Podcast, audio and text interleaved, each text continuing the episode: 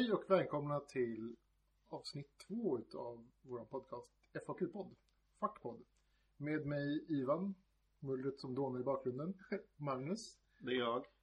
Hej hej. vår residenta dvärgexpert Numera ja. officiellt. och eh, Anders, Hej! Det är jag som är Anders. Hej Anders. vår musikguru.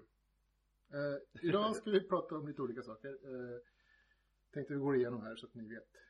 Och Tydlighet är bra. tydligt. Vi har ju fått lite kommentarer från förra avsnittet att vi kanske ska ha en, en eh, innehållsförteckning. Lite Ja. tydligare med vad fan det är vi pratar om. Ja, Vi vet ju knappt själva. Precis, vi vet ju knappt själva. Men eh, hur som helst, idag tänkte vi prata lite om interaktivt berättande slash rollspel.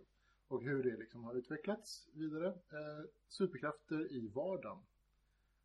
Mm. Superkrafter vi har. Superkrafter vi kanske önskar att vi hade. Och superkrafter som vi kan skaffa oss. Och sen så nördstatus. Eh, nördarstatus emellan varandra och nördarstatus överlag. Tre ämnen, tre personer, Tre, åsikter. Tre öl senare. tre senare. Eh, ni kanske märkte att eh, vi hade en jingel.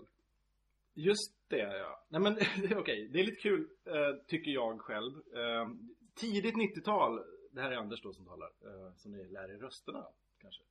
Um, men tidigt 90-tal så gjorde jag, köpte jag mig en liten keyboard och så satt jag och gjorde lite små trudelutter på den. Men um, och bandade in på ett kassettband. Det där har liksom legat i 20 år och jag har liksom bara väntat på att jag måste göra någonting av det här. Jag kan inte bara liksom, jag måste liksom digitalisera och på något sätt göra någonting av det där. Och åren har bara gått. Men nu har jag i alla fall eh, fått en anledning att eh, göra någonting av det. Och det är jättekul. Eh, så det är mina gamla eh, tonårsmelodier melodier ni hör i det här programmet. Vi byter säkert musik eh, framöver, vem vet? Men Vem vet? just nu är det det ni hör. Men, ja vi heter ju Fackpodd. Så jag antar att vi måste ställa en massa frågor. Det. Så tänker jag ställa en fråga till dig Anders. Ja. Du skulle ju spela Tomb Raider för, efter förra avsnittet. Val, sa jag det att jag lovade det? Ja men det Ja, du sa att du skulle fira internationella kvinnodagen med att spela Tomb Raider. Just det, ja men ja. Och det gjorde jag också och jävlar vilket bra spel det är, måste jag säga. Eh, jag har spelat igenom det en och en halv gång eh, redan och ja, det, det är ett väldigt trevligt spel. För det är en riktig person man spelar. Det är inte en, en dum karaktär som de tidigare Tomb Raider-spelen har varit kanske lite eh, bimbo-grejen utan det här är liksom en riktig människa som man, som man lider med och eh, har ont med och, och hon växer genom spelet från, från att vara liksom inte vara en actiontjej alls till att bli, det, det, de har verkligen lyckats. Sjukt snyggt också. Hur har du haft det då Ivan? Jag har haft det bra. Jag eh, har också spelat ett spel faktiskt. Jag eh, hoppar ju mellan spel väldigt mycket. Men eh, nu har jag fastnat för ett spel som jag spelat i ungefär två veckor. Som heter Path of Exile. Som är ett gratis spel som man kan spela, eh, PC-spel. Eh, jag är PC-spelare. Som är, I alla fall, det är gratis. Eh, ligger i betastadiet just nu och gratis beta. Vem som helst kan spela och det kostar inga pengar. Och så, så vitt jag har förstått så kommer det ligga i betastadiet för all framtid. För att det är så de eh, tänkte tjäna sina pengar genom att få donationer. Ja, För att eh, gå vidare med utveckling. Coolt. Eftersom det är under utveckling så är det per definition i beta fortfarande. Har du donerat? Nej, inte än så länge, men jag funderar på det. För att jag är extremt nöjd med spelet. Vad är, vad är det för sorts spel? Eh, man tänker sig, eh, jag vet inte om ni har spelat Diablo? Jag vet vad det är. Du vet vad det är? Ja, eh, Diablo var ett sånt här eh, rollspelsvariant. Ac- Action-rollspel kallas det för. Där man är en ensam gubbe som vadar genom horder av Mm. demonblod. Det här är då eh, samma, samma genre. Eh, och har utvecklats utav Nya Zeeländare faktiskt. Väldigt, väldigt duktiga utvecklare. Nice. Ett väldigt, väldigt bra spelsystem. Och eh, som jag är spelsystemsnörd. Som man kan säga. Eh, så, så, och vet du, det här tilltalar mig väldigt mycket. Med procentuella baserade. Som inte exponentiellt procentuella utan kumulativt procentuella baserade skills. Mm. Med total valfrihet etc. Eh, bra spel. Vad har du då Magnus? Jag, jag har, i morse när jag satt på tunnelbanan kom jag på en fantasyroman jag tänker skriva.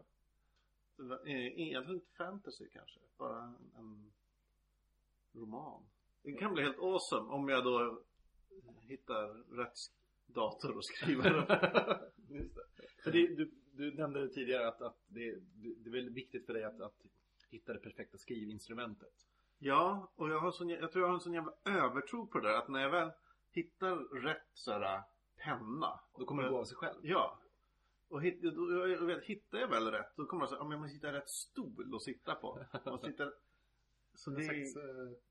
Men det tar ju aldrig slut då. Nej, jag tror bara att jag får fan sätta Det jag vet är att jag kan inte eh, sitta och skriva på samma dator som jag typ gör allt annat med. Som jag kollar på film och surfar och så. Jag måste ha något dedikerat för annars blir det så. här, Åh, någon vill chatta. En dator med bara Word installerad. Ja, men typ.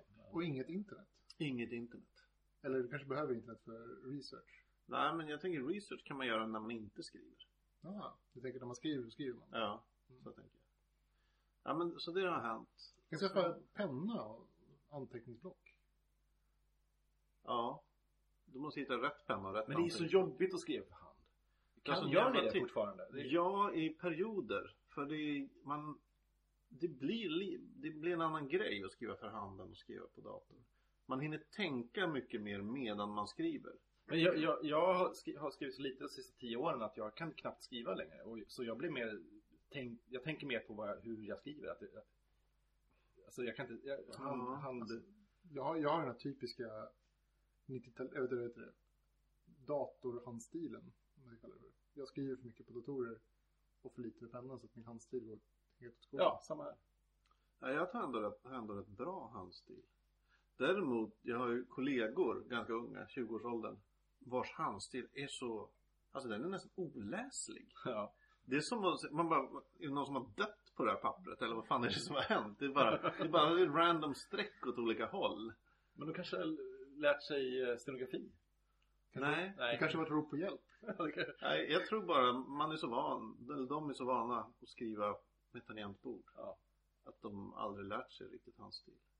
Jag vet inte hur det var när ni växte upp, men man har ju men i min klass och i, i, min skola, då var det alltid tjejerna som hade snyggast handstil. ja. Ja men så var det för mig också. Eller i min klass också. Men undrar om det berodde mycket på också på att det här klassiken att, att eh, killar är alltid lite efter några, några år i utvecklingen efter. Vilket jag utgår från att det är helt sant. Um, att tjejerna kanske var handstilsmässigt två år fram, framför oss. Andra? Nej, Nej. nej. Okej. Jag säger den, den teorin går jag inte på. Okej. Inte motoriskt. Det kan inte För att de finmotoriskt precis skulle vara så. Ja, deras ja, ja. fingrar funkade bättre än killarnas. Jag Det är tror inte. Nej. Eller nej. Ja, ja, ja, ja, ja. Kanske. Jag vill gärna läsa en studie om det här. Det vore en bra ursäkt för min dåliga handstil. Om inte annat. Ja. Jag, kan, jag kan acceptera den på, den, på de premisserna. Jag tror bara att killar inte satte någon prestige i att ha snygg handstil. Det var ingen status i att Alltså jag, Nej. hemma hos mig så var det ju att det var, det var bra att ha fin handstil. handstil. Mhm. Eh, det var liksom jag, jag fick ju alltid lite äh, mycket skit av mina föräldrar för att jag hade ful handstil. Mm. Jag har ju väldigt ful autograf också. Jag minns en gång när jag skulle skriva ett kontrakt med min morsa eh, om någonting, eh, något lån eller vad det var för något. Och, och hon blev skitsarg på mig för att, för att jag, jag skrev under med, med det, det såg inte ens ut som ett ord. Eh, för jag, har alltid haft så hemsk eh, autograf. Medan hon vet, kalligraferade nästan sin autograf. Mm. Någonting man kanske gjorde mer Det är för. en generationsfråga tror Ja. jag absolut. Kan det vara. Jag vill även påpeka, jag, jag har sett säsongsavslutningen av eh, Girls, säsong två. Mm. Lite kluven till den. Jag vet inte, har ni sett Girls? Jag har inte börjat än. Jag har inte sett de tre sista avsnitten, eller två sista avsnitten. Ja, Då ska jag inte säga något om den. Men jag rekommenderar ju. Du Ja. måste se Girls. Ja, det är klart jag ska. Jag har läst mycket om, om säsongsavslutningen. Det har varit mycket snack om den på Oj. internet. Spoilers. Mm, den är... Jag har inget emot spoilers. Oh. Det är svårt nu för tiden att inte få någonting spoilat. Nej, det, det, Det är alldeles för Ja. mycket jobb. Det är inte värt det. det är ett jobb, ja. Det är bättre att eh, bara njuta. Det är ju därför de... Men, Men, ja. men nu har ju filmbolagen själva börjat uppmärksamma det här. De jobb, till exempel nya Stålmannen-filmen Man of Steel. Mm. Där jobbar de ju asmycket med att inget info om storyn ska läcka ut. Nej, just det. Samma sak med nya Star Trek-filmen. Just det. Ja. Va? Vad fan pekar du Vad är på? det för någonting? Där. Fan vet jag, det är någon kebabbit som låg på... Ät den då! jag tror du pekar och så att du Men det typ såhär, det såg ut som en bit bajs. Jag, jag bor ju, jag, jag bor ju snett ovanpå en, en, en bar, en pub, en, en kvartersrestaurang som, som älskar att dra runt med stora jävla ölfat. Och det är det ni hör i bakgrunden, eventuellt. För att gå vidare. Jag eh, har ju hört väldigt länge nu om att tv-serier ska övergå i någon slags interaktivt berättande där man kommer få påverka som, som tittare av tv-serierna. Ja. Eh, Du, du har pratat om det här förut, Anders. Är det någonting som, som syns på horisonten? Är det någonting som är på gång? Jag eh, hoppas det, men, men det, är en, det är ingenting som jag direkt... Alltså det har väl gjorts försök genom tiden att, att eh, eh, låta folk eh, vet, ringa in och rösta och vad ska hända i, i, i slutet på det här avsnittet eller vad ska hända i nästa och vilket val ska personen göra. Här är val A, här är val B, så får man ringa in och rösta. Jag skulle önska att jag, jag, jag tror att det är någonting som, som kommer mer. Om man pratar om film så har det alltid eh, varit en strävan efter att höja upplevelsen för folk och, och, och inte bara liksom Nu är det liksom 3D som är grejen. Det är det som eh, eh, lockar folk till biografen och sådär. Men vad vad är nästa stora grej inom, inom film? Och jag, jag hoppas faktiskt att det kan vara någon form av interaktivitet. Men om man, om man kollar på de senaste tv-spelen som har blivit stora, Mm. Alan Wake och sådär, så var det ju ganska liksom railroadade berättelser. Mm. Eh, Man hade ju de här liksom, rollspelsanknytningarna till att man var en person som gjorde en massa olika val. Men man var ju alltid intryckt i en viss story. Om man tänker sig liksom att så här, den rollspelsanknytningen, skulle man kunna få den liksom med i, i filmvärlden? Eller kommer vi hamna liksom i tv-spelsvärlden då? Varför inte? Varför de kanske går ihop liksom? Det jag kände, kände med Alan Wake, jag spelade inte igenom hela spelet. Men det är- var ju ett tv-spel som ville vara en tv-serie. Mm. Det, för den var, som sagt, det var väldigt linjärt. Eh, det fanns vissa val man kunde göra sådär, du, du, du. Men på det stora hela var det en linjär berättelse. Det fanns en berättelse som skulle berättas. Ja. Och eh, jag tycker tv-spel och datorspel är ju bäst när det inte är så linjärt. Jag tyckte alltid så här, jag har alltid tänkt på en film som heter Event Horizon. När man kommer till här, just rollspelsanknytningar. Ja. Det var ju en, en skräckfilm skulle man kunna säga. Mm. I, Absolut. Ja, I rymden. i rymden. Eh, där man började med att man var fast i ett rymdskepp och sen så gick man, alltså filmen började så. De var fast i ett rymdskepp, de skulle gå till ett annat rymdskepp där det hade hänt något konstigt. Och sen så liksom, så, så, liksom det var introt i filmen. Eh, och sen så hände det väldigt mycket roliga saker, i alla fall för mig som, som gammal rollspelare. Eh, där jag liksom tolkade det som att manusförfattaren som då var spelledaren liksom surnade till på spelgruppen. För att de inte alls gjorde som han hade tänkt sig. I det här fallet så var det så att liksom eh, eh, karaktären i filmen då ser det här rymdskeppet som har fastnat och får liksom saker det händer konstiga saker i rymdskeppet deras första reaktion är typ såhär, let's nuke it. Ja. Och då blir det så här, då blir så här, ja det, det är ju sunt liksom. Då tänker man, ja men det var skönt. Men då blir det liksom ingen film. Eller, eller som spelare, då blir det ingen historia. Nej. Så då surnar han till och säger, nej men era nukes funkar inte. Mm. Ja, och det händer då i filmen då, nej nukesen funkar inte. Och då tänker de, ja men då åker vi härifrån. Liksom. Det är lösning nummer två. Ja. Det här var konstigt, vi vill inte vara med om det här, vi åker härifrån. Och då är det typ så här, men det, då blir det inte heller någon film eller någon story i rollspelsvärlden. Nej. Så då går, går deras, flyg, deras rymdskepp sönder. Så att liksom, de blir liksom intryckta i det här. Fast de försöker göra sådana val. Så blir de liksom så här totalt railroadade in i att de måste gå in i Event Horizon och liksom Ja, just det. se allt det här som händer. Jag tycker det var väldigt lustigt. Men det skulle jag säga är karaktäristiskt för många rollspelsberättelser. Att de är, alltså det är ganska dålig dramaturgi. Det finns egentligen ing, inge, ingen anledning för karaktärerna i berättelsen att göra det som de borde, eller liksom som manusförfattaren eller spelledaren i alla fall de vill att de ska göra. En, en klassisk grej är att, att karaktärerna inte har någon anledning till att eh, eh, känna varandra överhuvudtaget. Ja. Och liksom, man, man liksom trycker till ett gäng personer som är så pass olika eh, i ett gemensamt rum eller gemensamt tidsrum. Mm. Så att det känns helt onaturligt. Och det är en brist som jag känner ändå är ganska specifik för bordsrollspel. Jag har aldrig sett det riktigt i en film att det är så här. Jag tänkte på det i Sagan om ringen. Man Mm. har liksom en dvärg och en alv och liksom så här. Man blandar verkligen så här. Det känns som en grupp spelare som har fått fria val med att skapa karaktärer. Då vill de aldrig skapa samma som de andra personerna. Så de har skapat, skapat helt olika men, men där det finns liksom konflikter i gruppen. Ja. Och egentligen har de inget, ingen anledning att samarbeta. Men man blir liksom intvingad i det för att storyn säger det. ja det, i, I tv-spel har det ju varit var ju från början väldigt mycket linjär, linjära berättelser. Så minns jag att de gjorde en stor, apropå eh, eh, Tomb Raider vi pratade om nyss, att, att eh, om det var Tomb Raider 3 eller någonting. Där man plötsligt kunde göra saker i, i en helt annan ordning. Det var ju fortfarande samma historia, men man kunde välja själv vilken, vilken, vilka kapitel man tog. Och på senare år har ju också eh, Heavy, Heavy Rain som släpptes till PS3 för, för ett par år sedan lekt med det här med att man att de val man gör verkligen spelar in i berättelsen. Och Heavy Rain var väl kanske mer, mer ett, ett, ett, ett formförsök snarare än ett jättebra spel. Men, men det är kul när man får göra val som faktiskt spelar roll i berättelsen. På något sätt. verkligen. Ja. Men finns, vad jag kan tänka på så finns det ett exempel på interaktivt, interaktiv, interaktiv, fuck. Interaktivt berättande. Jag menar, eh, Spring Lola på DVD, när den kom ut, det, kunde man faktiskt välja. I slutscenerna så kom det upp en, en meny. Vilket val ska personen göra? Så kunde man välja spring höger eller spring vänster. Och så blev det helt olika slut. Det var samma sak i Butterfly Effect. Jaha, Så fanns ja. det ett gäng olika. Det var inte riktigt lika, lika uttalat interaktivt. Utan där var det mest fem olika slut tror jag. Eller var det? Mm, Jag känner bara till två slut. Ja. Dels det som den officiella slutet på i bioreleasen.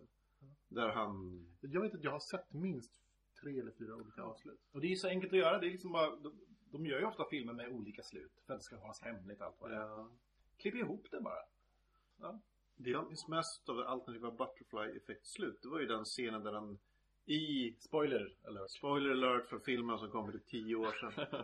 Eh, att han i, i liksom, som foster i magen ströp sig själv med, på något sätt. Ja, jo. Med navelsträngen. Ja, det, det var ett För avslut. det var det enda, han visste om vad jag än gör när jag är vid liv så kommer det gå Men till det var, det var ett gäng slut han tog självmord. Ja. På olika sätt. Men ett av de mest konstiga var just det när han, när han ströp sig själv som ett foster. Mm. Paranormal Activity har ju haft olika slut i bio-release och som på DVD-releasen. Och det är väl också kanske ett slags val man gör att äh, men jag ser den på bio för det var, har jag hört var det bästa slutet. Eller tvärtom. Fast det är ju liksom lägsta formen av Ja, ja, det är, det är lathet. En, en grej som det pratas väldigt mycket om nu i, i mediabranschen är second screen. Och tanken är väl, antar jag, att säga att man sitter och kollar på något tv-program. Mm. Så kan man typ logga in på någon jävla tjänst. Och så har man bonusfunktioner i sin padda eller, Ja, like eller i datorn eller vad som helst. Och att man där kan på något sätt påverka, eller i alla fall interagera, kanske chatta med producenten samtidigt. Ja. Lite som SVT's TV-cirkeln. Som tv-cirkeln där man, där, ja, men där man kan twittra med Johanna Koljonen typ, medan man tittar på Girls.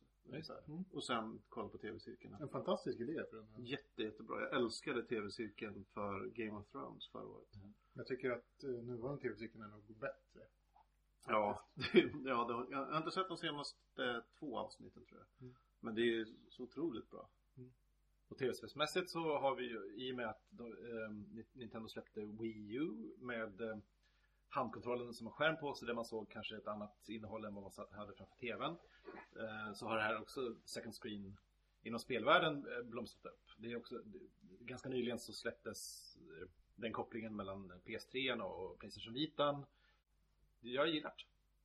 Det är väl, jag har inte testat den bara. Nej. Men det jag undrar, vill man ha så jävla mycket interaktivitet i, i en film till exempel? Vill man inte ha någon sorts att det, är, att det är en vision från en eller flera personer och att de har tänkt en början, en mitt, ett slut. Jo, Det, absolut. Alltså jo, det är väl så här, man kanske vill titta på Mona Lisa som den är, inte ändra på smilet mer eller mindre liksom. Men om man vill ändra på smilet så, så får man det. Ja, absolut. ja, men det kanske, ja. Ja. Man kanske vill se Citizen Kane som den är. Men när det gäller typ Transformers 3 så hade det inte skadat med lite yttre input på något sätt. Jag har inte sett den faktiskt. Ah, nej. Jag kan berätta vad Rosebud är för någonting. Vi kan se den första minuten och så kan jag berätta vad. Pratar vi om Citizen Kane eller Transformers 3 nu? Eh, jag tror att båda, både Transformers 3 och Citizen Kane har Rosebud. Ja, men det skulle inte förvåna om det jag finns en skojar. Transformers som heter Rosebud. Ja, det Jag ska har vara inte filmen så jag köper allt. Ja. ja. Men det var, när, när det gäller just rollspel, både Ivan och jag är ju gamla rollspelare. Mm. Så det, det jag funderar på där, rollspel är ju ofta väldigt måna om att framhärda sin eh, kreativitet och att det är en väldigt stimulerande hobby på många sätt. Det är ju det. Men det är också en väldigt administrativ hobby. Det, det kräver att man eh, läser på eh, och kan regler och kan tolka regler och kan manipulera regler. Eh, och det är roligt om man tycker att sånt är kul. Är jurister eh, mycket rollspelande människor? De skulle kunna vara. Ja. Absolut. Alltså man kan ju läsa rollspelsregler som en lagtext. Och det finns ju sådana spel som, som är utformade nästan exakt så. Jag har ju det här skräckexemplet från när du, alltså, Sagan om ringen och spelet släpptes i Sverige på 80-talet. Så var det sån här, eh, det var den regelboken var ju totalt ogenomträngbar. Jag För- fick gav mig på dem flera gånger och pallade inte. Nej precis, och 90% av befolk- befolkningen, eller säger jag nu, 90% av de som testade det eh, sa ungefär samma sak. Det här var ogenomträngbart. Och det var ju så att det, det är ju baserat på ett annat spel som var en, ett amerikanskt spel. MERP, Middle Earth Role Playing. Ja, fast det var ju baserat vidare på Rune Master. När man läser de spelen så, så, så kan man ju faktiskt ta sig igenom reglerna. Men i översättningen så var allting så extremt mycket svårare. Eh, Men samtidigt så är det ju så att det inte alla som, som mötte det här liksom stora hindret. Utan jag vet att vissa av mina vänner spelar ju svenska Sagan om ringen-spelet. Och tyckte att det var okej. För vissa personlighetstyper är ju komplexitet och svårighet alltså en, en selling point i sig. Ja. Jag, jag är också lite av en brädspelsnörd. Och där är ju reglerna liksom det heliga. Och där har vi de här heliga gralen utav spel liksom, i komplexitetsgrad. Och en av de här som jag minns mest är ju jag spelade ett spel som heter World in Flames. Som är ett, en simulation utav andra världskriget. Extremt komplext. I den, I den grad att när vi skulle spela det här att ställa upp brickorna första gången tog åtta timmar. Spontant skulle jag känna att det inte är okej. Att det är Nej. dålig speldesign. Man tycker det, men, men samtidigt så finns det ju en, en viss sån här... Och hur långt tog spelet sen då? Ja men vi spelade kanske tre gånger i veckan i typ tre månader. Herregud. Och då hann vi kanske inte riktigt så långt. Om vi tänker oss så här. Eh, första dagen 8 timmar, ställa ut brickorna. Andra dagen 18 timmar. Då spelade vi en månad speltid. Av andra världskriget. Mm. Så det var vint 8, så hösten 1939. Och då i början gjorde man beslut kring att man skulle bygga sina hangarskepp och sådär. Och de tog ju två år att bygga klart. Ja. Två spelår då. då. Och, men på en dag så spelade vi en månad. Så att det här, jag skulle få min utdelning utav min investering. Ja, ni kan ju själv, alltså 24 speltillfällen senare. Alltså det här, det är ändå imponerande på något sätt. Ja, men- För Det, det är det som är grejen. Liksom, den här utmaningen, det här obestigbara berget Ja. som man ger sig på liksom. Varför springer folk maraton? Jo men, jo, men det är för att liksom, utmaningen är där. Vilket spel har ni liksom spenderat mest tid med eh, totalt? Mest? Ja, då är det nog olika varianter av Dungeons and Dragons. Ja. Skulle jag nog säga. För mig är det nog eh, Burnout Paradise till tre- PS3. För det spelades mycket och där kunde man också se hur många timmar man har spelat. Så det fanns verkligen svart på vitt. Men det var ändå så, ja, För mig var det mycket men det är så här, aktivt spelande liksom om det var uppåt 100 timmar. Och det kanske inte låter så mycket men det är ju, det är ju liksom verkligen tid man har suttit Det är 100 timmar av ens liv. Är det verkligen det, det du spelar mest? Om du tänker tillbaks när du var liten, du spelar du inte så här, jag vet inte, Sonic sammanlagt mer tid än så eller? Åh, oh, kanske alltså. Men det är så svårt att veta. Inte så mycket Sonic, men jag kan, jag kan ha spelat mycket Monty on the Run. Ja. till C64. Jag, jag spelade Everquest, eh, det gamla datarrollspelet. Och där kunde man också se hur många timmar man har Ja. spelat. Ja, Och, nu kommer det. ja, eh, om ni undrar vad jag gjorde under min ungdom. eh, så när jag slutade spela så kollade jag hur mycket jag hade spelat min, störst, min huvudkaraktär. Och det var över 400 dagar online. Alltså aktiv tid online. Alltså aktiv tid online. Över 400 Och det här, då hade du ändå flera sekundära karaktärer. Ja, som hade lite färre. Ja, så totalt sett så låg jag över runt 500 dagar online. Det är jättelång tid. Men, det- men det är också intressant. Är rollspelande, eh, vänder sig sådana spel kanske till människor som, som kan hantera det? Och spela långa, långa tider Just, med? just i det här så var det ju, alltså rollspelsdelen var väl kanske lite mindre eh, lite mindre berättande om man säger så. Mm. Utan rollspelsdelen var mer interaktiv i typ att det var kanske en, en aggressiv form av Facebook Ja. där man gick och slog ihjäl om man inte gillade det. Så att det, det, det blev det lite, lite mera, ja, det var lite mer det liksom. Det var det sociala som drog. Och liksom interaktionen med andra människor. Mm. Och jag träffade väldigt många trevliga människor så där, som jag fortfarande är kompis med. Från andra länder, från alla möjliga delar av, av liksom Europa och alltså hela världen Mm. faktiskt. Och som jag fortfarande har kontakt med nu. Tack, via, tack vare Facebook nu för tiden. Då. Kul. Men i, i den tiden så var det ju via spelet. Men jo, eh, extremt många dagar online. Men å andra sidan så, jag hade möjligheten och jag ångrar ingenting. Ja, När jag tänker på hur mycket mm, alltså bordsrollspel jag spelat genom åren. Det enda som är begränsat egentligen det är ju att man måste träffas fysiskt. Och flera personer. Mm. Eller då var det så i alla fall. Och sitta och lira. Men jag, jag spelar ju liksom alltså, nästan hel, dygnet runt varje helg mellan jag var 15 och 23 liksom. Men hur, hur kändes det liksom med karaktärsutveckling och sånt där när du spelade så mycket? För för mig så har rollspel, alltså bordsrollspel alltid varit ett sätt att sätta mig in i en annan person än den jag själv är. Det, ja, det var ärligt talat inte så mycket så. Vi spelade Dungeons and Dragons. Och där är, eh, eller det var då, som vi, på det sättet vi spelade då, en väldigt hög åtgång av karaktärer. Ja. Man dog väldigt mycket och fick börja om med en ny karaktär. Så så mycket karaktärsutveckling blev det faktiskt inte. Det, alltså det var, det var väldigt mycket tv-spel fast kring ett bord. Ja. Det är ju lite det som, som liksom, den biten av rollspel som har, som har exporterats till andra spel är ju just den här liksom, att sätta sig in i en annan person, en annan karaktär och leva sig in i ett annat, ett annat sätt att vara, ett annat sätt att tänka. Ja, det är det ju. och det är ju det som har liksom kommit vidare, så som du pratade om i Tomb Raider till exempel, Mm. att, att du liksom kunde identifiera dig med den här personen och sådär. Åtminstone identifiera mig som, som en, alltså, en, att det är en verklig karaktär. Mm. Sen känner jag inte mig kanske som en eh, 17-årig tjej när jag spelar det. Men Nej, nej, nej, men, men du kan sätta dig Ja. in i liksom hennes val och så Ja. vidare. Det, det känns ju som att det är det som har, som har kommit ur liksom rollspelsgenren Ja. mer än de här uh, ogenomträngliga regelbarriären. Ja, för reglerna har ju alltid funnits i tv-spel och dataspel. Det är bara att de är osynliga. I, i bästa fall. Alltså är det buggigt och skit märker man ju dem Nej, väldigt precis. tydligt. Eh, Ett spel som sägs vara väldigt så här mycket val och, och moraliska konsekvenser det är Walking Dead. Just det, Spelen. The Walking Dead som släpptes förra året. Det var väldigt mycket baserat, för man tänker det kanske att man ska nu ska man spela The Walking Dead som bygger på zombieserien och filmen. Eh, typ comics, serietidningen kan man säga.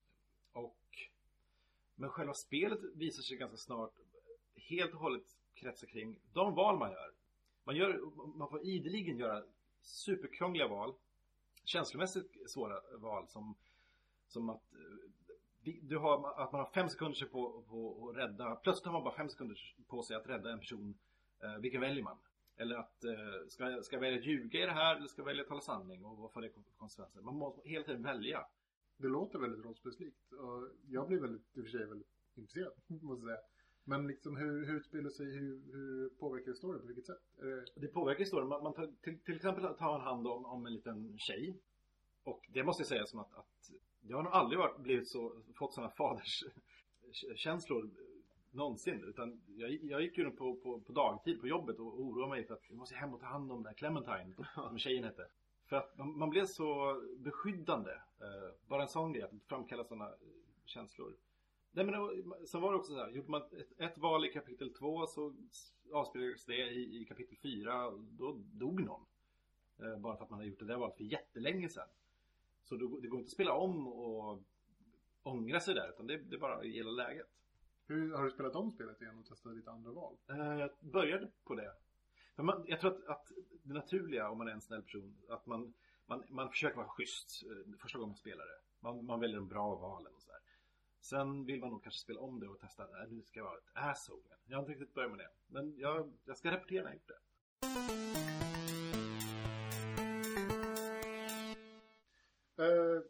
Paus där. det var en paus. Hej och välkomna tillbaka till Fackpodd.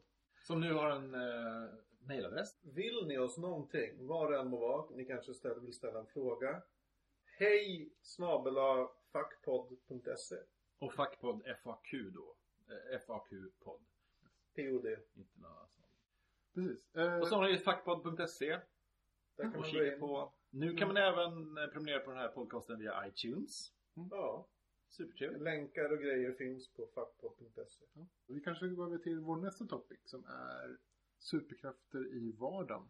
Ja, eh, om jag får skjuta in där eh, och berätta va- varifrån ämnet kom lite från början. Häromdagen så var eh, jag på en avdelningskonferens på jobbet.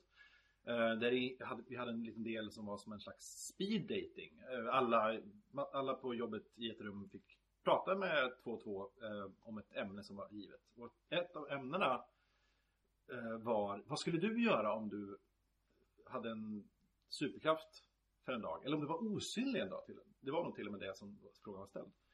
Varpå jag började orera med min eh, kollega då om hur, hur ologiskt det är att vara osynlig. För att om man vad jag kom fram till, eller vad jag försökte framföra då var som att om man är osynlig, då passerar allt ljus genom kroppen. Ehm, ljuset ehm, har alltså ingen chans att, att fastna eller studsa på hornhinnan eller brytas genom linsen. Vilket gör som att man skulle vara totalt blind om man var ehm, osynlig. Och det här är ju en aspekt som aldrig har setts i, i filmer om den osynliga mannen eller inte. Man, man, man är blind när man är osynlig. Vad sa din kollega om det här? Ja, hon ville väl mest eh, byta ämne tror jag. Det finns en eh, serietidning som heter Planetary. Som skrivs, av- eller skrevs av Warren Ellis. Det är en, ja, han, han skruvar till vanliga superhjälte-stereotyper, om man kan säga så här. Och i, i den här serien finns det en, de onda är fyra stycken personer som åkt upp i rymden, blev utsatta för strålning och fått superkrafter. Typ som Fantastiska Fyran, fast de blev onda. Och där är kvinnan där då, hon blir osynlig. Ja. Och i den här serien så blir hon då också blind. Åh, okej. Eh, Men blir hon osynlig för att, de facto för att hon är, eller blind de facto för att hon är osynlig? ja. Wow, okej, men då... Och, eh, så tanken har tänkts. Ja, okej. Ja. Eh, men det är en fantastisk serie. Warren Ellis Planetary. Tror det finns fem album eller något. Vad har man för superkrafter? Eh, jag tror att, att en, en förmåga jag har som, som kan, som är både bra och dålig är att jag har extremt svårt att, att eh, tänka mig att andra personer pratar om mig när jag inte är med dem. Som att, att varje gång jag träffar en person så, så börjar jag från noll någonstans och eh, det finns inte med värde att de har liksom pratat gott om mig eller dåligt om mig bakom min rygg. Jag bara, det bara finns inte. Och, fast jag ändå förstår att det kanske är så, men jag ser det som en superkraft. Det är en ganska skön eh, förmåga i och för sig. Att inte liksom ha de här tankarna på att folk pratar om dig bakom din rygg. Ja, det är, ja. Varför inte? Vad, vad beror det på då? Är, är det... Känner du att du inte är tillräckligt viktig att pratas om? Eller är ja men det någon- kanske är något sånt. Eller är det bara ett så att... Ja men det kanske är något, något mekanism, försvarsmekanism eller någonting. För jag menar, skulle man gå runt och obsessa över om folk pratar om en, man skulle bli tokig. Ja, Eller kanske ni gör? verkligen. Nej, det gör jag inte. Jag tänker sällan på att folk pratar Alltså, om jag, mig. jag obsessar inte om det, men när jag tänker på det tänker jag alltid att folk pratar gott om mig. och det gör vi ju! Ja, Ja, alltid. precis. Det är Ja. fantastiskt. Nej, men det är, är på något sätt är det en skrämmande tanke att folk sitter och analyserar den när man inte är där. Eh, min superkraft har vi ju redan pratat om. Eller min specialförmåga. Ja, visst det. Om att eh, den totala bakgrundsljudsplaneringen pratet nivån. Nu vet inte jag om det här märks liksom extremt i den här podcasten. Men jag vet att jag får de kommentarerna liksom ganska ofta. Jag fick det senast i, i förrgår. När vi skulle planera på ett eh, anförande så sa folk att jag kanske skulle prata lite högre. Fast jag pratade ganska högt. Men bara att mitt tonläge var precis i samma tonläge som eh, projektorn. Åh nej. Så att då blev det som det blev och då lät det så. Till slut vände de sig mot projektorn och frågade vad, vad sa du? Ja. Ja, lite så. Fantastiskt. Jättebra. Ja, det är, väldigt, det är svårt att se serietidningen där, där du är hjälte. Ja, det skulle kanske vara någon sån här Doom Patrol. Ja, möjligtvis. Doom Patrol är en av mina favoritserier. För mig där du, hjältarna har de, de knasigaste förmågorna. Men inte alls lika knasiga som eh, de onda. Nej, herregud. Som där typ en har alla förmågor som du inte tänker på. Okej. Mindfuck! Ja, eller den andra, fast är i och för sig en hjälte som heter Flex Mentalo. Som har förmågan att kunna flexa sina muskler. Att, eh, och på det sättet påverka universum. Det är jättekonstigt. Jättekonstigt. Jag har läst några av de där albumen, men de är, det är ju Grant Morrison. Ja, Det är helt, de är helt fucked up. alltså de är baserade på Grant Morrisons drömmar.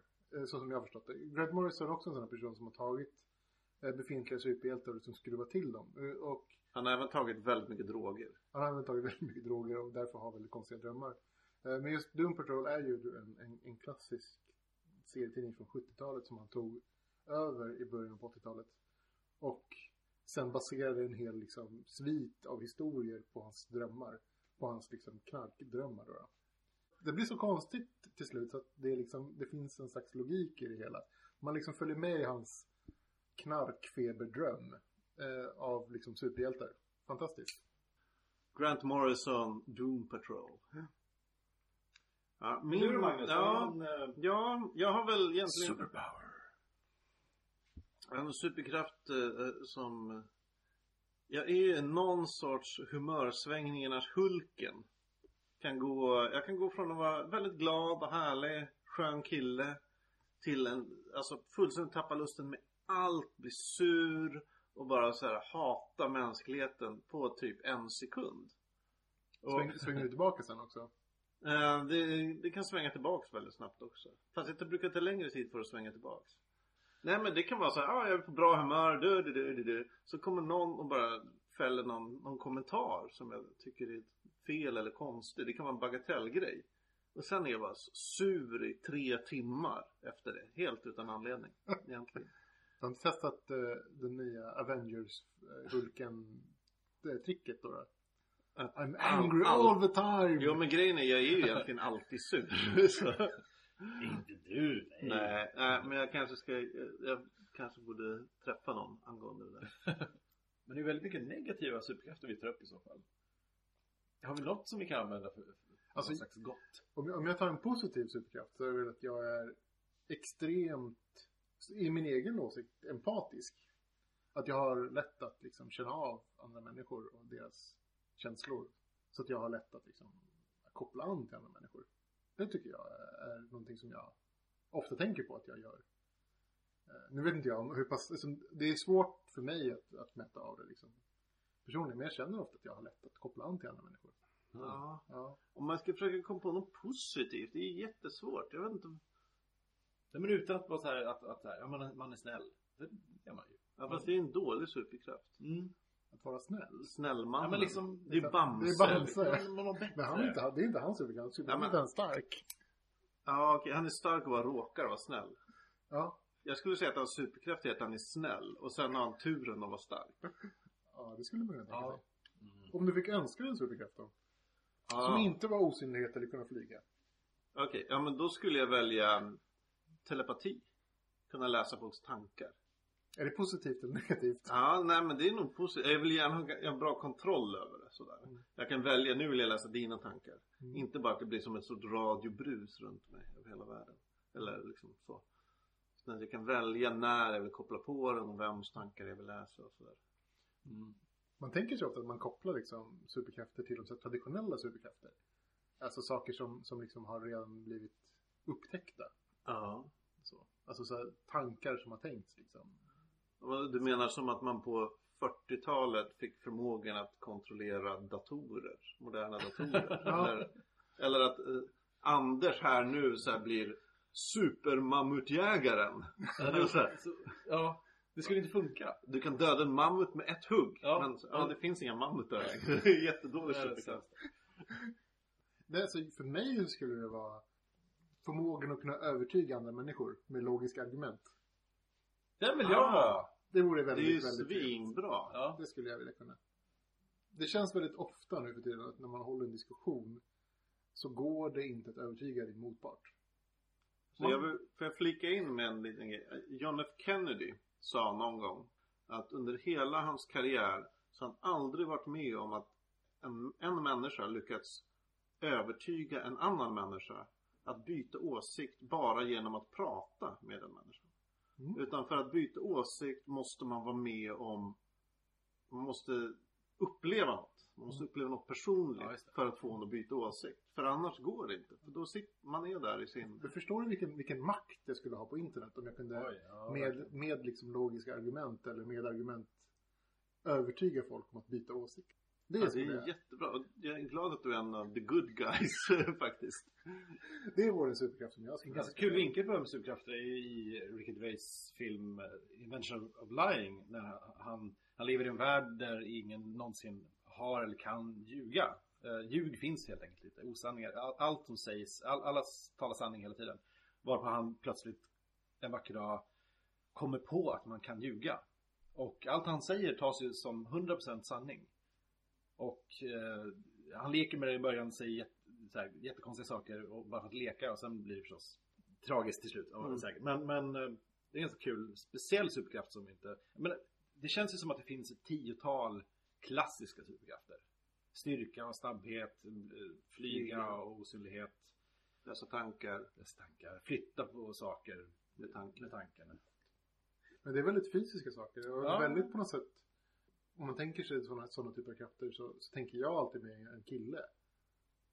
Jag tror det lite handlar om att de flesta superkrafter har ju uppstått i serietidningar. Mm. Serietidningar är ett visuellt, väldigt mycket ett visuellt medium. Alltså måste det vara krafter som går att, att skildra i bild. Ja, det skulle vara svårt att skildra i bild en kraft att kunna övertyga någon med bra argument. Ja, ja då, då blir det som i den här serien Preacher. Där, ja, som handlar om en snubbe som får typ the voice of God. Och kan, vad han än säger blir sant. Men där är det så, ja, när han använder kraften får hans pratbubblor en annan färg. Ja, smart. Det är så här, ja, det är ändå ett lite billigt trick. Att göra. Ja, men det är att göra en, ja, Men det är ju en visuell representation av någonting övernaturligt. Ja, det är det ju. Men det får ju också effekten att som om du hade din logisk övertalningsförmåga så skulle den här helt ofysiska förmågan få någon sorts visuell Fysisk inverkan. fysisk grej. Typ att det skulle lysa om dig när du använder den. Och, så. Ja. och då tänker jag, ja men då blir det som, jag menar anledningen till att änglar har glorior till exempel. Det är ju att för när man först började avbilda änglar så måste man visa att det här är inte en vanlig människa. Ja men ge dem något ljus kring huvudet. Ja, Okej. Det är liksom samma tanke i att Men eh, Anders, om du fick välja superkraft. jag, tänkt- jag har tänkt jättemycket och det, det du sa lät ju så jävla bra. Den är jättesvår, jag är ledsen. Ja, Fast jag, jag personligen skulle också kunna tänka mig kanske en social förmåga. Det vore skönt. att bara kunna vara social. Att inte kunna göra bort sig. Det vore jätteskönt. Vilken trygghet. Ja. Jag vet inte, fast skulle inte det begränsa en jävligt mycket? Då skulle man ju aldrig göra något utmanande. Man kanske aldrig skulle göra någonting roligt heller. Det är Nej. mycket möjligt. För allt som är skoj och spännande och nytt, där finns ju alltid risken att man skämmer ut sig. Ja. Det skulle också gå i sig begränsa ens förmåga att kunna vara självkritisk eller typ så här, skämta med sig själv. Det kanske var en nackdel. Det kanske var typ en, en super... Ja, det känns som man skulle vara väldigt självmedveten hela tiden. Mm. Eller att man har ett extremt, man har ett överjag som är typ en, en fysisk person bredvid en som håller fast en ibland. En fysisk manifestation av sitt överjag. Ja, fy fan vilken mardröm. Nu, nu är vi inne på... Vilken jävel. Han skulle vara sjukt jobbig person. Ja, om man inte var trött på sig själv redan innan så skulle man ju bli det då. Ja, herregud. Vi kanske är klara med superhjältar. Ja, jag tror det. I och med att vi började göra den här jävla podcasten så började jag tänka är det liksom nördstatus att, att göra en podcast om nördiga grejer? Alltså är det status att göra eller är vi så, så sent på bollen att det bara är larvigt egentligen?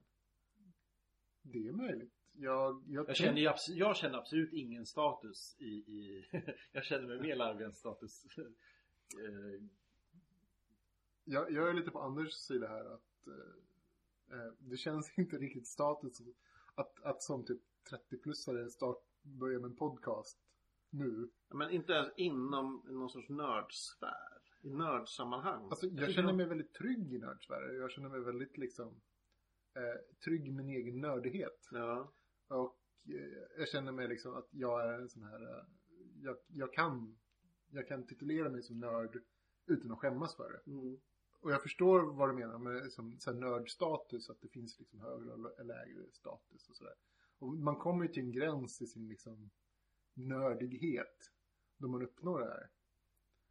Att man, att man känner sig helt liksom, jag är nörd och det är okej. Ja. Men, men vägen dit har ju inte riktigt varit sån.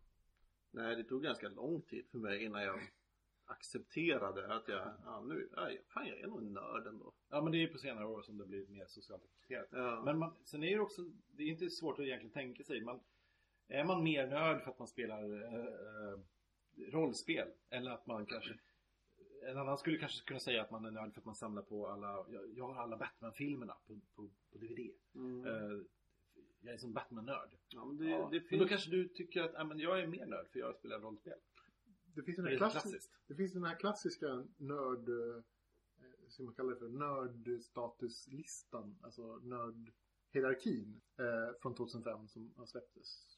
Officiellt från staten Nej, som släpptes via sociala medier och Ja, länkar. men det är Brunching Shuttlecocks eller vad fan sajten Precis. hette. Ja, där man har liksom eh, publicerade författare överst och liksom furries längst ner. Folk som skriver in sig själva i sina sexiga noveller om djur. sådär. Ja, jag tror det absolut lägsta var furries som skriver in sig själva i sexiga noveller där, där huvudkaraktären är Star Trek fast som furries. Ja. Men de är ju mest nördiga Ja, alltså det var ju det, var det som var så roligt med själva den här, om man kollar på charten, det är att de själva anser sig själva mest nördiga. Så att liksom pilarna, pilarna går ju åt varsitt håll. Liksom. ja. Det är så här, jag anser mig själv vara mer nördig än den här personen och de ansåg sig vara mer nördiga än alla andra.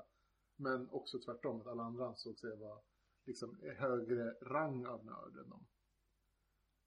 Men något jag har tänkt, det finns ju om man säger stereotypen av nörd.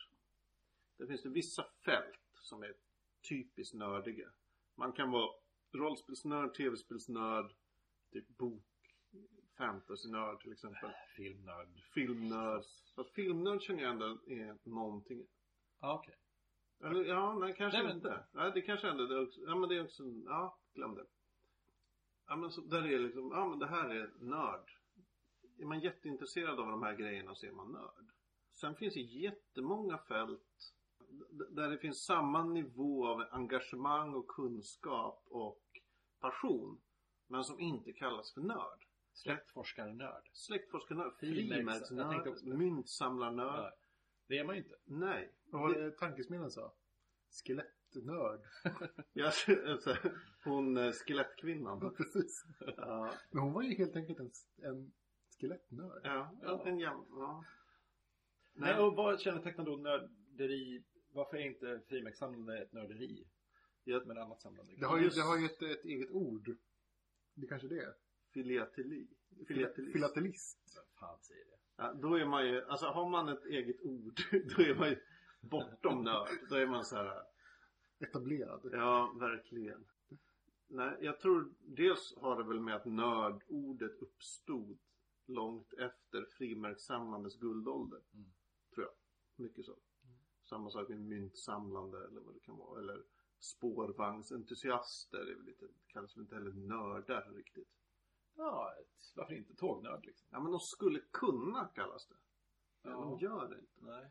Sen finns det ju det här som jag har tänkt på rätt mycket. Att väldigt många eh, intressen som är typiska för kvinnor. Som liksom direkt sållas bort och aldrig bedöms som nörd. Som till exempel ja, men, är man jätteduktig och jättepassionerad och sticka så är man ju inte en stickningsnörd Nej.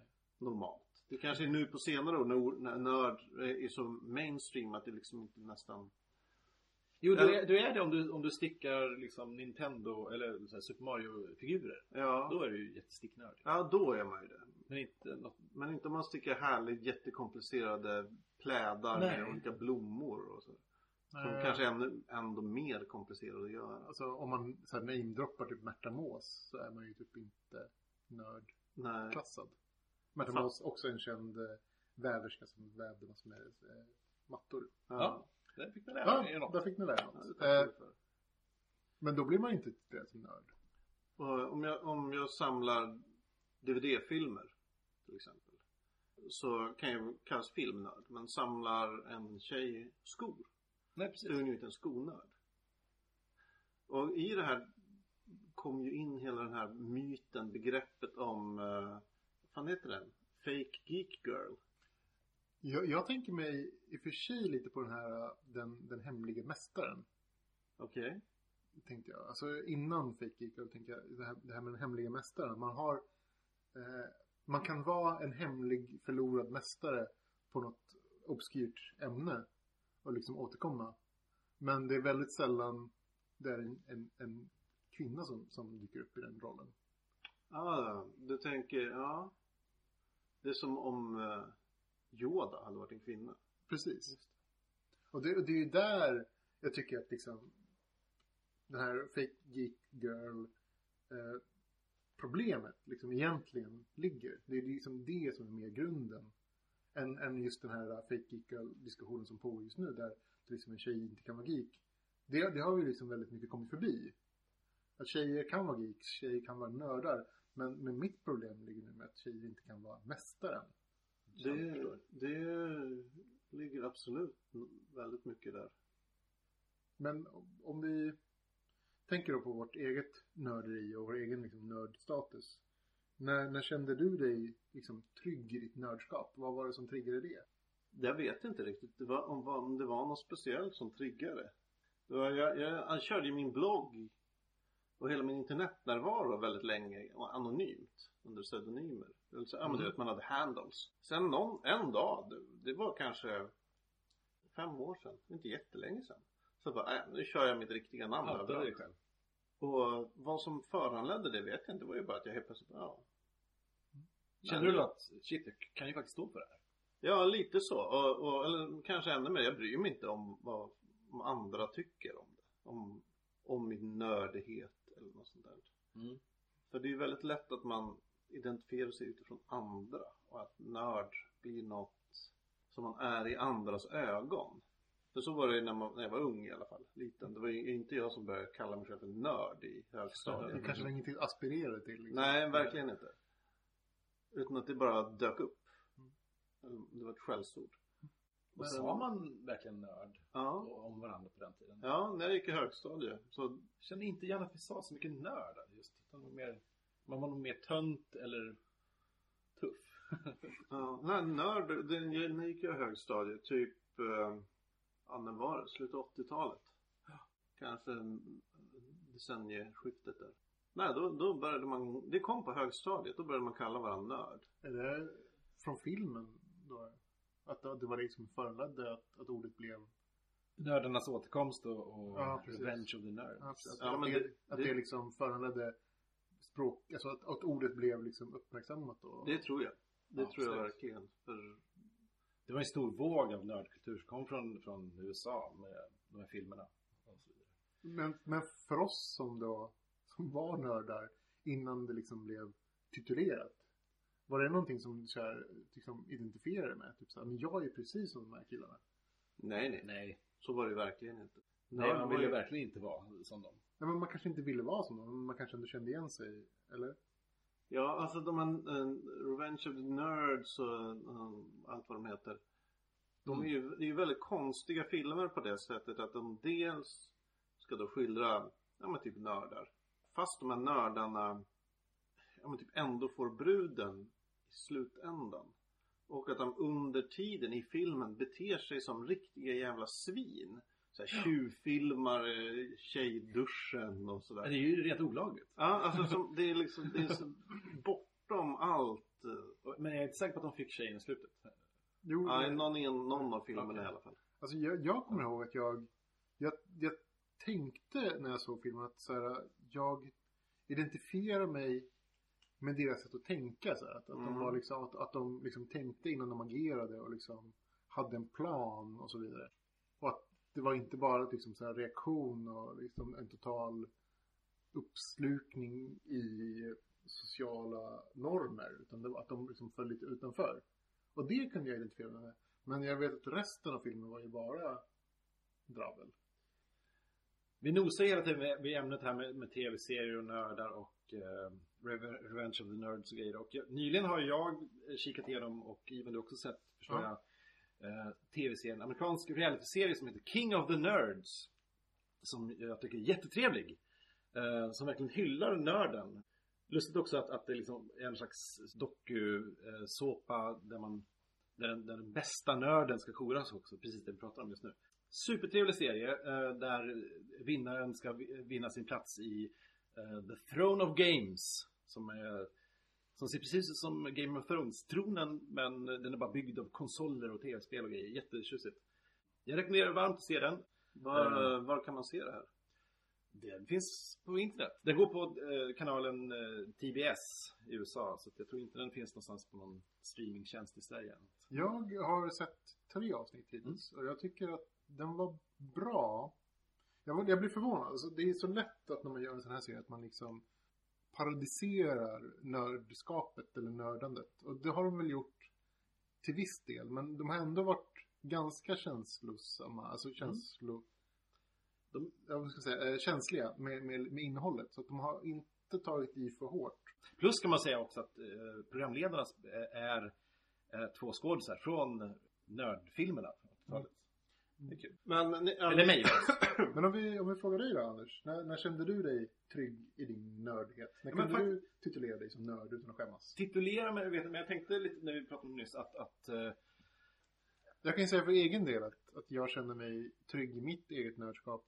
Eller man ska säga. Alltså jag, jag kunde själv säga, alltså stå för mina intressen kan man ska säga.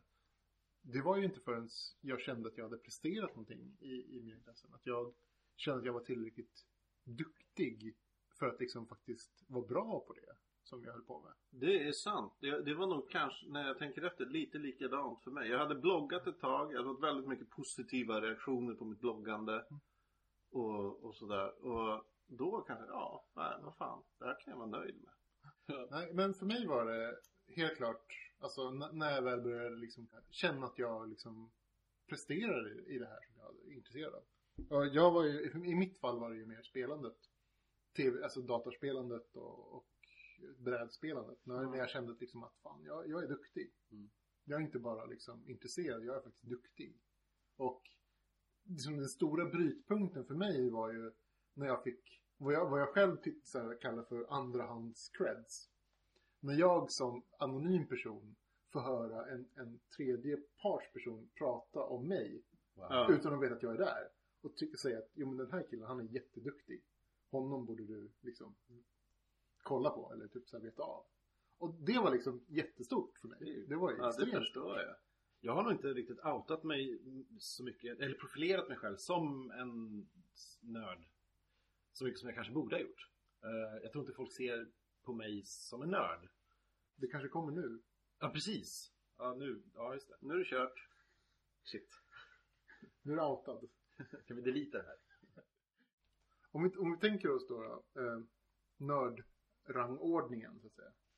Så, så för min del så tänker jag ofta väldigt mycket att, att liksom nörd, nördrangordningen är den tid och ansträngning du har lagt ner på, på det här intresset. Liksom, ditt nördintresse. Ju mer tid, ju mer ansträngning, ju mer du har försakat andra saker. Desto högre, är, desto mer nördig är du. Multiplicerat med hur obskyrt eh, intresset och ämnet är. Så du Absolut. kan ju lagt ner eh, miljoner timmar på, på saker som är helt naturliga som alla gör dagligen. Då Ja. är det inte speciellt Nej, Nej, nej. nej.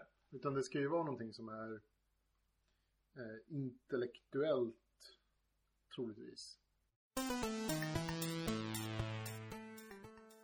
Vad fan ska vi prata om nästa avsnitt? Ja, du. Jag tycker blir om någon händelsevis råkar höra det här så kan de ju Tips. Tipsa in. undra något. Krav. Jag vill, jag vill ha krav. Prata om det här. Det är okej. Annars. Och så Annars. typ. Det är bara att köra Så på. hör, hör av er till eh, hej faqpodd.se till Mm. exempel. Eller till faqpodd på Twitter. Ja. Mm. Eller surfa in på faqpodd.se. Ja. Ställ frågor. Vi eh, lovar inga svar men vi kan diskutera. Men du Anders, du har ju gjort avslutningstrudelutten här, Ja, som vi ska få höra. Ja, okej. Ja, ja. Vad, vad tänker du om den? Ja, det är en snipplet kan man säga från, från en längre parti som, jag- som jag... eh, Jag tror det finns ett, ett par takter till någonstans. Men eh, jag har inte riktigt satt ihop dem än till något slags digitalt bra format. Men, men det här är vad, vad vi har just nu. Eh, håll till godo med den här gamla kängan från... eh, Dängan säger man kanske. Från eh, 93 ungefär. Och med de orden så säger vi väl tack och hej. Ja. Tack ha det bra hörni. Mm. Kör då. Hej!